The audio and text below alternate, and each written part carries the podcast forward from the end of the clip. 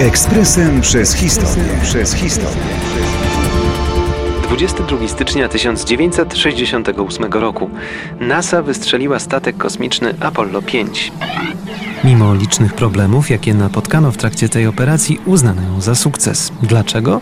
Ponieważ sprawdziły się alternatywne sposoby radzenia sobie z problemami. Była to oczywiście misja bezzałogowa w okolice Księżyca, bo lądowania na nim wówczas nie założono. Apollo 5 wyniesiono na orbitę 22 stycznia 1968 roku przy pomocy rakiety nośnej Saturn, tej samej, która brała udział w feralnej załogowej misji Apollo 1, kiedy śmierć poniosło trzech astronautów. Rakieta nośna przetrwała, bez oglądania się więc na zabobony, postanowiono użyć jej ponownie. Rakieta zdała egzamin, a lądownik, czyli próbny moduł księżycowy, odłączył się w zakładanym przez naukowców czasie. Moduł został jednak wyłączony przez komputer pokładowy, który uznał, że prędkość jednostki jest zbyt mała. Trzeba było obmyślić plan alternatywny jak najszybciej. Udało się z Ziemi wyłączyć komputer zainstalowany w module.